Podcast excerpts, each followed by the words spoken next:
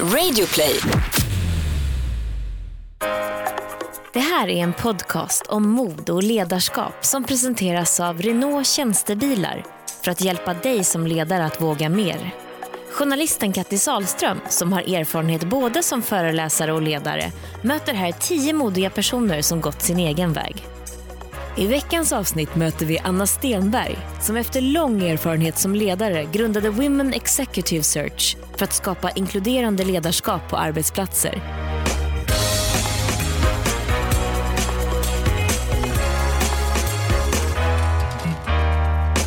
Ja, då får jag be att säga hjärtans välkomna alla lyssnare eh, till Mod, framtidens ledarskap. Och in kan man säga som en vårvind har Anna Stenberg kommit nu. Tack för att jag får komma hit. Det är Ja, jättekul det är att vara här. Ja, det är mycket kul att ha dig här och väldigt mycket energi tyckte jag när du kom in i Mm. rummet. Men det är 26 grader varmt, solen skiner där ute, vi har hela sommaren framför oss. Och... Du är i alla fall jättevälkommen. Mm, tack. Eh, sju år har du eh, drivit Women Executive Search. Mm. Och dessförinnan eh, Kinneviks. Du kan, man, du, kan man säga att du är lite uppfostrad i Kinnevik? Det kan man verkligen säga. Jag är drillad och fostrad i den världen där. Ja. Och var så himla ung som bara 24 när du blev ledare där, eller hur? Mm, det stämmer, de var riktigt modiga kan man säga. Men eh, hur länge har du jobbat där då? Då hade jag jobbat där i ett år. Så att jag började egentligen som trainee, eller LUMA som det hette. Ja. Och eh, det betyder att man kommer in och får egentligen jobba med alla möjliga olika typer av uppgifter då och stötta vd i ehm, en mängd olika typer av projekt. Och det kan vara verkligen allt ifrån att hämta kemtvätten till att skapa ett affärscase för eh, en ny tv-kanal i ett nytt land. Så att det, jag lärde mig hur mycket som helst och det var ett fantastiskt år. En bra skola. Men det måste man ju säga att de, jag har ju också varit på Strix nämligen. Och, och, eh, ja, jag började som ljudtekniker, inte en jättebra sådan, men det var också en, en väldigt intressant Ja. resa jag fick göra där. Ja. Och de är, skiljer ut sig lite grann just med det där, eller hur? Att man liksom li- odlar människor på något sätt. Mm. Jag tror att det är det här ganska modiga företagsklimatet, en affärskultur och företagskultur som handlar mycket om att eh, man får våga, man får göra misstag, man får möjlighet att prova sina vingar ganska tidigt om man visar att man eh, lär sig hela tiden, att man är ödmjuk inför att man inte kan allt från början och om man har liksom ett driv och en vilja att utvecklas, då får man, då får man roliga möjligheter där. Och uppenbarligen hade du också det. Använde du också den där fältsängen som man kunde sova på? Nej men alltså, det var, jag undrar om det bara var en skröna Nej. alltså. Den fanns där. Den fanns. jag har legat och sovit där med lurarna på. Däremot så har jag absolut varit inne och vilat. Kommer ihåg att det fanns ett sånt här äh, riktigt sunkigt gammalt rökrum Ja. en gång i tiden Ja. där. där. Den soffan kunde man ju slänga sig på ibland när det hade blivit lite för mycket nattarbete. Och där har ju allsköns människor legat. Granneman bland annat vet jag låg och vilade en del. På sin tid. Men det var ju länge sedan. Kanske våra lyssnare inte ens kommer ihåg. Men du Anna, varför fick man då blicken på dig? Jag tänker, där har vi vår marknadschef. Alltså jag tror att det handlade om att jag tidigt fick eh, upp eh, mina ögon för MTG och för Kinnevik. Eh, och det hänger nog ihop mycket med min idrottsbakgrund. För jag har egentligen ägnat hela mitt liv åt att ja, svettas i en gymnastikhall. Eh, och det har varit sex timmar i veckan eller sex eh, dagar i veckan och 40 timmar. Och det har verkligen varit en livsstil och jag har alltid älskat att tävla och utmana mig själv liksom, på idrottsarenan. Och eh, sen när man började komma upp i eh, de åren att det var dags att börja plugga och tänka på karriär så letade jag också efter ett företag som på något sätt hade det där resultatfokuset och lite tävlings-DNA i sig.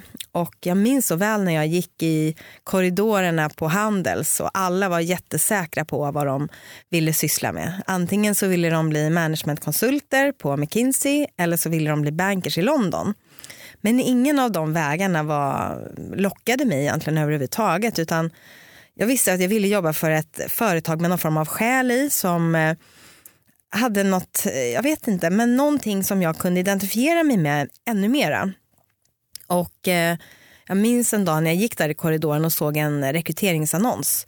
Och då såg jag bara att det stod vi ser gärna att elitidrottare söker. Nej. Jag såg inte ens vad det var för rubrik eller vad det var för titel eller vad det var för bolag. Jag såg ju bara just den meningen och tänkte att där ska jag jobba, var det nu är någonstans. Eh, och det var just en annons till MTGs traineeprogram. Och eh, det passade mig fantastiskt bra för de värderingar och den kultur som bolaget hade stämde så väl överens med den jag hade blivit under åren. Väldigt mycket fokus på resultat, eh, utveckling och målsättningar. Och det fanns en sån här vinnar och kämparanda i, i företagskulturen. Och det tyckte jag var otroligt roligt. Och det kändes lite som att komma hem på något sätt. Men det, för det får man ju säga lite, jag tror jag aldrig har sett förut att man skriver så, att man riktar in sig på Nej. en speciell sort, så som elit, alltså mm. elitgymnast är ju mm. du, men elitidrottare. Ja, nej, men jag tror att det var faktiskt ganska många eh, i organisationen som hade den typen av bakgrund. Och jag tror att man måste nog vara lite sådär resultatfokuserad och, och gilla det där eh, tävlings och prestationsinriktade för att också ja, men trivas mycket i den här miljön. Men så. jag tänker på det här med att om man är tävlings och prestationsinriktad och man vill nå resultat. Så ibland är det så för alla bolag att det går ganska jämnt och till och med inte så hemskt bra. Mm. Så man ser liksom inte att man vänder de där röda siffrorna. Mm. Vad är det du triggas av då? Hur får du igång om, det där adrenalinet? Nej, men jag tror att det handlar mycket om en så fighting spirit. För jag menar, det var ju klart att jag vann ju inte alla gymnastiktävlingar heller. Ibland gick det ju käpprätt åt helvete rent ut sagt. Och man undrade varför man la all denna tid när det kanske inte alltid eh, blev de resultaten man hade tänkt sig. Men jag tror att det är också envishet och en tro liksom, på sin förmåga eller som bolag också att tro på företagets vision och tro på den idén man har på något sätt. Är det någonting som du ser nu när du själv håller på med rekrytering, att vissa bolag lite saknar den där visionen, att man är mm. otydlig i konturerna? Absolut. Och vi ser ju också att det är svårare för de bolagen att rekrytera de bästa talangerna och ledarna. För de flesta talangerna och ledarna där ute är ju på jakt efter en arbetsgivare eh, där man på något sätt eh, få vara med och bygga någonting. Man får vara med på en resa. Och Då behöver man också ha förmågan att både kunna förmedla den resan och den visionen. Men man vill också känna att den finns i företagets väggar, i DNA på något sätt. Och Hur får man in det då tycker du? Det handlar ju mycket om ledarskapet. alltså. Eh, de bolag som har en förmåga att, eh, att både utveckla och rekrytera chefer som har det här visionära och inspirerande ledarskapet men också inkluderande. Det är en sak att vara en duktig visionär och inspiratör men att få med sig också medarbetarna på den resa man ska göra och få dem att känna sig delaktiga eh, i de mål som man strävar mot, det är ju en konst. alltså. Men om man skulle mm. börja från, lite från scratch, de flesta ja. har vi kanske någon tanke om att vi har en vision. Mm. Men om man ska börja från liksom, någon slags bas, så bara, men nu behöver vi skaffa oss en berättelse och en vision. Mm. Kan du liksom ge några snabba tips om hur man hur man gör ja, det? Alltså, jag tror att det handlar mycket om att utgå ifrån liksom, vad är vad är vårt uppdrag? Eh, jag minns så väl när vi skulle rekrytera en vd till Sveriges brand och säkerhetscertifiering AB, SBSC. Ett bolag inom brand och säkerhet. De hade haft väldigt svårt till exempel att hitta kvinnliga kandidater och ville ha hjälp med att locka duktiga talanger, eh, chefstalanger då, till den här rollen. Och jag minns så väl att vi, det handlar ju mycket om att gå på djupet. Ja, men vad är det egentligen som är ert uppdrag? Vad är visionen? Vad är det för resa ni gör? Och Det handlar inte bara om att det är ett bolag i säkerhetsbranschen utan det handlar om att de är ju där de är och deras uppgift handlar om att skapa ett tryggare samhälle. Och vem vill inte vara med att skapa ett tryggare samhälle? Så att någonstans handlar det väldigt mycket om att gå till botten med okay, vad är våran liksom, vilken, vilken plats fyller vi? På, vad bidrar vi med till samhällets utveckling eller till den här branschen? Eller vad fyller vi för funktion? Gå till mm. botten där och se, okej, okay, vad kan vi skapa för en spännande eh, vision utifrån det och vilken plats och vilken roll ska vi ta? Så du, det låter lite som du tycker, så man höjer blicken och ser att man gör något meningsfullt i det stora? Är det det ja, du menar? Alltså, Eller i det lilla? Men ja, nej, men jag tror att den här meningen ser vi blir viktigare och viktigare. Och nu när jag jobbar då med eh, chefsrekrytering bland annat så ser ju vi också att de eh, kandidater vi rekryterar, oavsett egentligen vad det är för bransch eller vilken nivå på chefsroll det är, så vill man gärna att det ska finnas liksom ett, en, ett högre syfte eller någon form av samhälleligt perspektiv eller någon typ av bidrag utöver att man bara ska tjäna pengar. Mm. Och, och Den dimensionen ser vi blir viktigare och viktigare, inte minst för de nya generationerna talanger som kommer. Så det är viktigt att bolagen liksom hittar sin plats där. Och det, det tror jag är avgörande också för att kunna eh, bygga det här inkluderande ledarskapet. Att man känner att man är med också på en, en meningsfull resa. Du riktar in dig på kvinnor då, att leta kvinnor i topppositioner eller i höga positioner. Ja, det Hur kommer är det sig? Ju... Varför är det viktigt? Jo, alltså jag tycker att det är avgörande för inte minst näringslivets men för samhällets fortsatta utveckling att vi har diversifierade ledningar och styrelser och diversifierade organisationer generellt. För vi ser liksom att nu finns det en mängd undersökningar som har gjorts under de senaste åren som verkligen visar på att bolag och organisationer som är mer diversifierade, alltså har en bättre mångfald, både när det kommer till eh, män, kvinnor men också utländsk bakgrund, ålder och så vidare, har en enormt mycket bättre förmåga att prestera bra.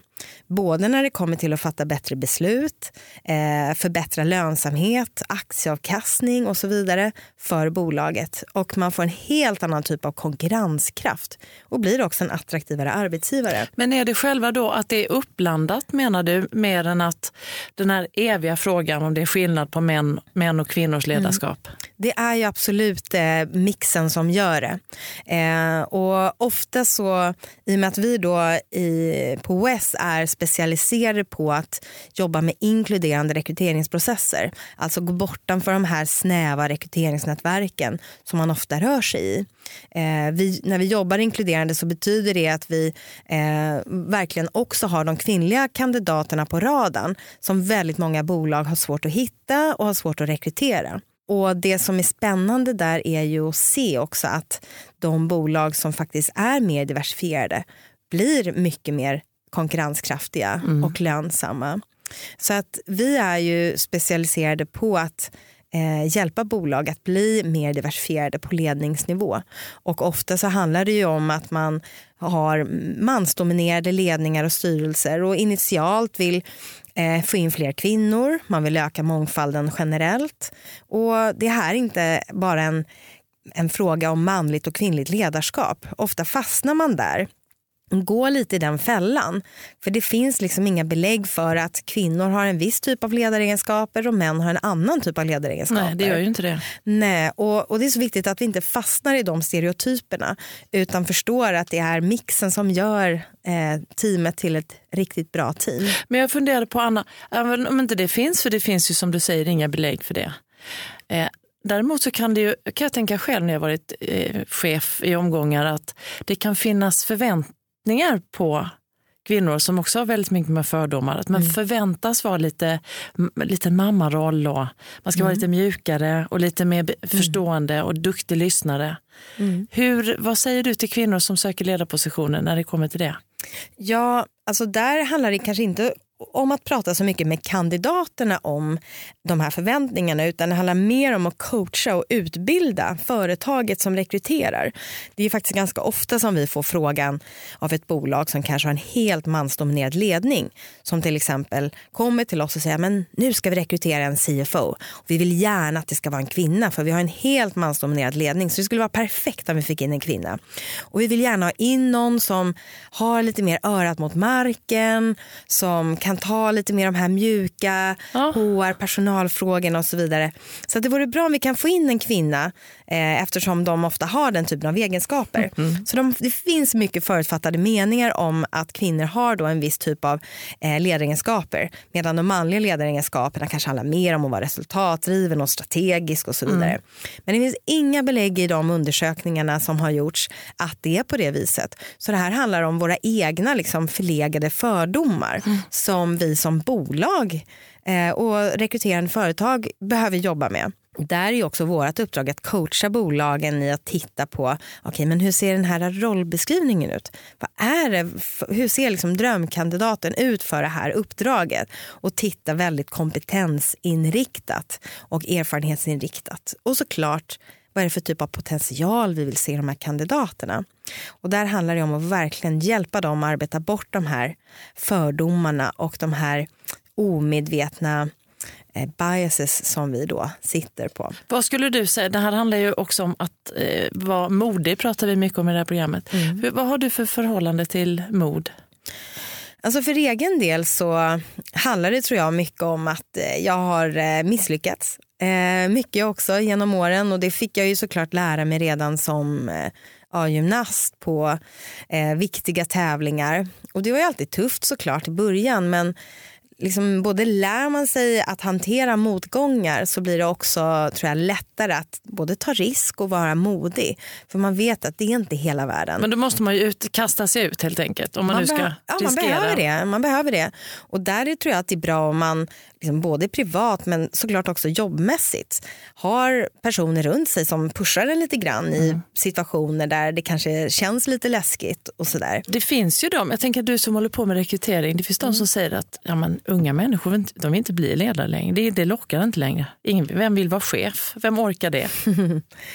Ja, nej men det är väl också lätt att luta sig mot den myten på något sätt. Och absolut, vi går in i en ny typ av fas nu med gigekonomi och det handlar inte om att vänta på den där guldklockan och vara kanske 10 eller 20 år på ett bolag. Men då handlar det också om att, att bolagen i sig behöver förändra sitt erbjudande och sina strukturer för att också kunna attrahera framtidens ledare. Och ledarskapet kanske behöver förändras. Men ledarskapet blir ju viktigare och viktigare hela tiden. Lyckas man inte locka de där talangerna till att ta sig an chefsroller, ja, men då måste man fundera på sitt erbjudande. Men vad kan det vara? För Mm. Vi pratar ju mycket om hur man ska locka medarbetare och trivas och anpassa sina arbetsplatser för att det ska funka Mm. för, för många som ska jobba där då, trivas. Men pratar inte kanske lika mycket hur man ska få chefer att trivas. Vad ser du framför dig är viktiga parametrar för att man ska locka Mm. ledare? Ja, men det är skillnaden där mellan att locka ledare och medarbetare är inte så stor egentligen. Utan det handlar ju återigen om att fundera på okay, vad är det för drivkrafter som de individer vi är på jakt efter har. Ehm, och behöver vi göra vissa anpassningar i vår organisation för att kunna locka dem? Om man till exempel har haft en struktur där man i chefsrollerna behöver resa eh, 200 dagar om året eh, och av det skälet kanske har svårt att locka eh, chefer till bolaget. För där kanske man idag i många lägen inte känner att nej, men jag är inte redo att, eh, att offra så här mycket tid till, till resande eh, utifrån ett eh, work-life balance perspektiv till exempel.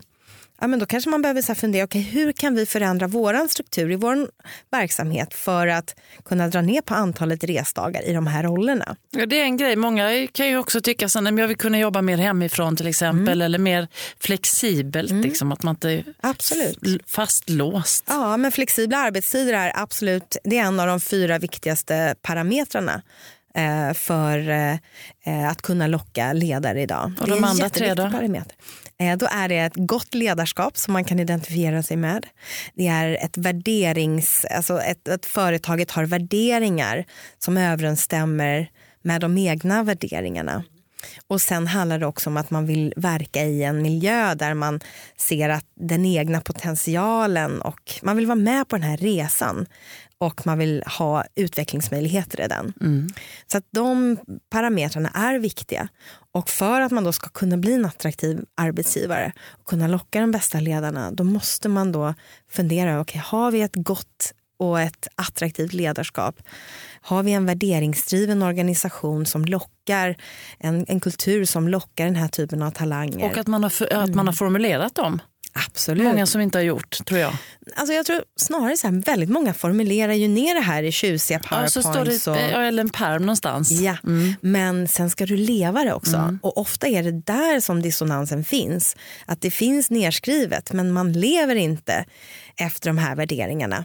Eh, vi brukar prata om att men, don't say it if you don't have it.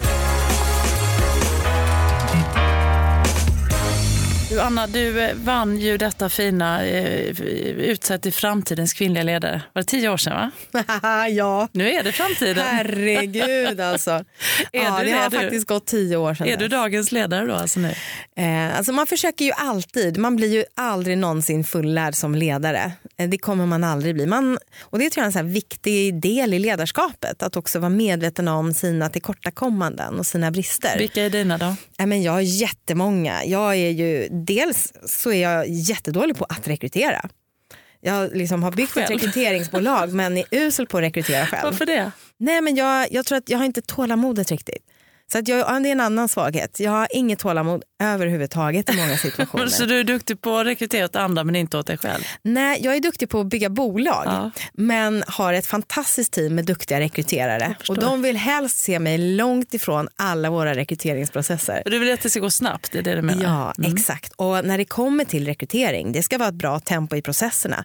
Men man måste ha tålamodet att verkligen djupdyka i kandidaterna. Och där är mina medarbetare mycket, mycket bättre vad jag är. Men om du skulle, vad är den största skillnaden på dig som chef idag från det, att du, ditt första ledarskapsjobb när du var 24? Ja, men jag tror att den viktiga saken är, som jag har lärt mig, det är att man måste inte vara expert själv. Man måste inte sitta med alla svaren, utan det handlar ju om att snarare kunna få ett team att verka bra tillsammans och eh, med en lyhördhet få alla att eh, verkligen kunna kapitalisera på sina styrkor och sina erfarenheter eh, tillsammans i den här gruppen. Men var det svårt för dig? Jag tänker, elitgymnast, det är, det är ju inte så mycket team, det är ju verkligen du mm. och din kropp. Mm. Var inte det jättesvårt att anpassa plötsligt att du ska jobba tillsammans med andra? Alltså jag tror att jag räddades av att jag hela tiden också har jobbat eller tränat och tävlat i lag mm. också. Hade jag bara tränat individuellt och tävlat individuellt så hade det säkert varit svårare. Men jag har även hållit på hela tiden med laggymnastik vid sidan om. Och då, handlar det ju, då spelar inte min individuella prestation någon roll egentligen om vi inte som team presterar bra. Eh, och sen så har jag alltid tränat eh, team sen jag var oh, kanske 12-13 år. Så det har ju hjälpt till mycket. Men jag tror att jag fick också lära mig den hårda vägen jag minns så väl när jag klev in i min första stora ledarroll och jag skulle leda en ledningsgrupp för första gången. Då skulle jag gå in och jobba i ett bolag då som jobbade i en bransch som jag inte kunde så himla mycket om. Och jag var hälften så gammal som alla andra i den här ledningsgruppen som jag skulle vara chef över. Och I de lägena måste man ju inse att okay, alla som sitter här runt bordet kan så oerhört mycket mer än mig. Så vad, vad, kan jag tillföra? Och Det jag kunde tillföra det var ju just att skapa den här dynamiken i gruppen. Eh, få dem att röra sig mot ett gemensamt mål eh, och eh, få dem att verka eh, som ett bra team ihop. Och ehm, hade jag där då försökt liksom, eh, skaffa mig en kunskap utifrån att nej men, nu ska jag bli bättre än den här teknikchefen eller nu ska jag kunna mer än den här försäljningsdirektören inom det här området. Det hade liksom aldrig gått. Så det var bara att kapitulera direkt och försöka förstå okay, vad är min roll i det här och hur kan jag bidra? Så att eh, rätt mycket ödmjukhet tror jag är också viktigt i de här situationerna. Du, jag hade en eh, lärare som var före detta elitgymnast när jag gick i mellanstadiet. Och när, vi, när han kom in i klassrummet första gången så kom han in på händer. Aha. Har det någonsin hänt att du har gått in på ett ledningsgruppsmöte och julat eller gjort en flickflack? Ja, eller? Men alltså, jo, det har ju faktiskt hänt. Eh, ofta så händer det när man eh, kanske har fått i sig en, ett glas vin eller två. Och då blir det ofta att man ska göra en bakåtvolt från en bardisk eller ifrån en, ett skrivbord eller någonting.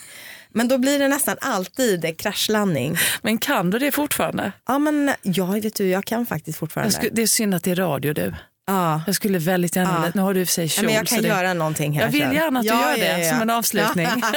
det lovar jag. jag har sammanfattat Nej, men oss. jag, jag tog faktiskt upp gymnastiken igen för bara några år sedan. Jaha. Det var väl någon sån här begynnande 40-årskris eller någonting. Men jag kände att nej men ska jag liksom, är det slut nu? Ska jag inte kunna fortsätta att göra volter och så fast man har skaffat barn och blivit vuxen i någon form liksom. Så du håller på fortfarande? Ja fast inte på något sätt eh, i någon seriös satsning. Men en dag i veckan så försöker jag göra lite volter. Men du som ändå är van att Ja. eh, tänka med kroppen, så att säga. Är, har du, finns det med på din arbetsplats att ni har så här, står det fysik på schemat? Ja men det gör faktiskt det. Ja, kunde jag nästan att, misstänka. eh, ja, nej, men så att vi har en, en, en stående tid i veckan. Där de så, får hoppa bock.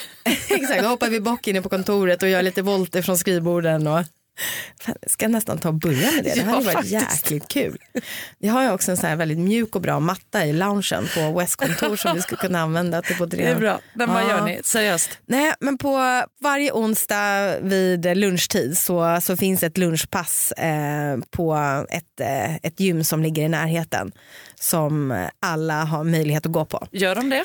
Ja, de flesta är jätte, jätteduktiga och går varje vecka.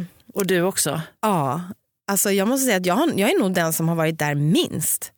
Fantastiskt bra ju. Om du får skicka med någonting till våra kära lyssnare om, nu har du Mm. pratat mycket om fördelarna med att få in kvinnor Mm. och det är det som du är mest, som det låter, men det är väl det du brinner för, det är det ditt bolag gör. Mm. Och så här mångfald generellt, liksom att verkligen förstå värdet och liksom den avgörande liksom kraften i att öka mångfalden på både ledningsnivå och styrelsenivå och vilka implikationer det också får för hela organisationen. För det handlar inte bara om chefslagen egentligen utan det handlar om hela organisationen och vilken enorm kraft eh, och potential det ligger i att jobba på det viset. För annars låter det som, skapa en tydlig vision, har man inte gjort det, det är bara att gå hem och göra läxan. Mm. Kolla efter att man verkligen lever sina värderingar. Mm. Och att tillsammans försöka få syn på sina fördomar Mm. är ju ändå viktigt. Ja. En första sak att ta tag i i morgondag dag, Mm. om det är en ledare som lyssnar nu och som vill ha, ha ett mer mångfacetterad grupp i ledningen. Mm. Vad är det absolut första man kan ta tag i då? Ja, men det är ju att faktiskt se vad kan vi göra konkret. Eh, det handlar inte om att skapa en tjusig jämställdhets eller mångfaldsplan som sen blir dammig och ligger i byrålådan. Utan att faktiskt börja titta, okej vad ska vi hands-on on göra? Eh, och det finns så mycket man kan göra som inte behöver Liksom, jag hör ofta och får ofta frågan, ja, men vad kostar en satsning på mångfald? Men det är inte den frågan man ska ställa sig utan det är snarare frågan vad kostar det att inte satsa på mångfald?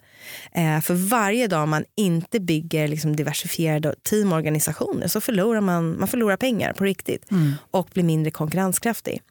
Så att, eh, att, eh, och det behöver inte heller betyda att man ska göra jättestora omvälvande förändringar och att det liksom känns nästan så övermäktigt att ens börja ta tag i. Utan man kan börja med ganska konkreta, enkla steg, eh, åstadkomma förändring snabbt och titta också i våra befintliga processer. Vad kan vi göra liksom, i dem för att skruva till dem för att bli mer inkluderande? Fantastiskt bra. Bra tips och bra Mm. råd. Väldigt så här handgripligt. Eh, och bara precis innan du går, Mm. så finns det ett bra sätt att få så starka armar som du ser ut att ha? Det är jag lite intresserad av. Ja, men då måste man ha gått på gymnastikskolor i Ryssland sen man var sju år. Nej, Det är men, eh, du får hänga med oss till, eh, Till de där passen. Ja, till passen jag på tror jag behöver mycket, onsdagarna. mycket mer än så för att liksom Nej, komma ifatt. En gång i veckan. En gång i veckan. Jäkligt intensivt. Okej. Sen då blir man stark som fasen. Jag börjar där. Tack så hemskt mycket Anna Stenberg. Var- Vart ska du gå nu? Vart är du på väg? Eh, nu ska jag hämta min dotter, ta henne till fotbollsträning och eh, ja, Sen är du klar för idag? sen är jag klar för idag. Hej på dig, vad roligt. Ja, det är bra. Underbart, ut i solen. Tack så mycket. Tack hej, själv. Hej. Du har lyssnat på Mod, framtidens ledarskap som presenteras av Renault Tjänstebilar. Nästa vecka träffar vi komikern och skådespelaren Henrik Schyffert. Hur tänker han kring humor i ledarskap? Och hur kan man möta sina rädslor för att växa som människa?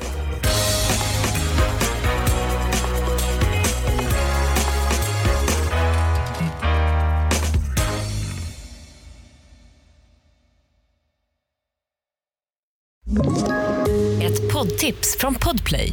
I fallen jag aldrig glömmer djupdyker Hasse Aro i arbetet bakom några av Sveriges mest uppseendeväckande brottsutredningar.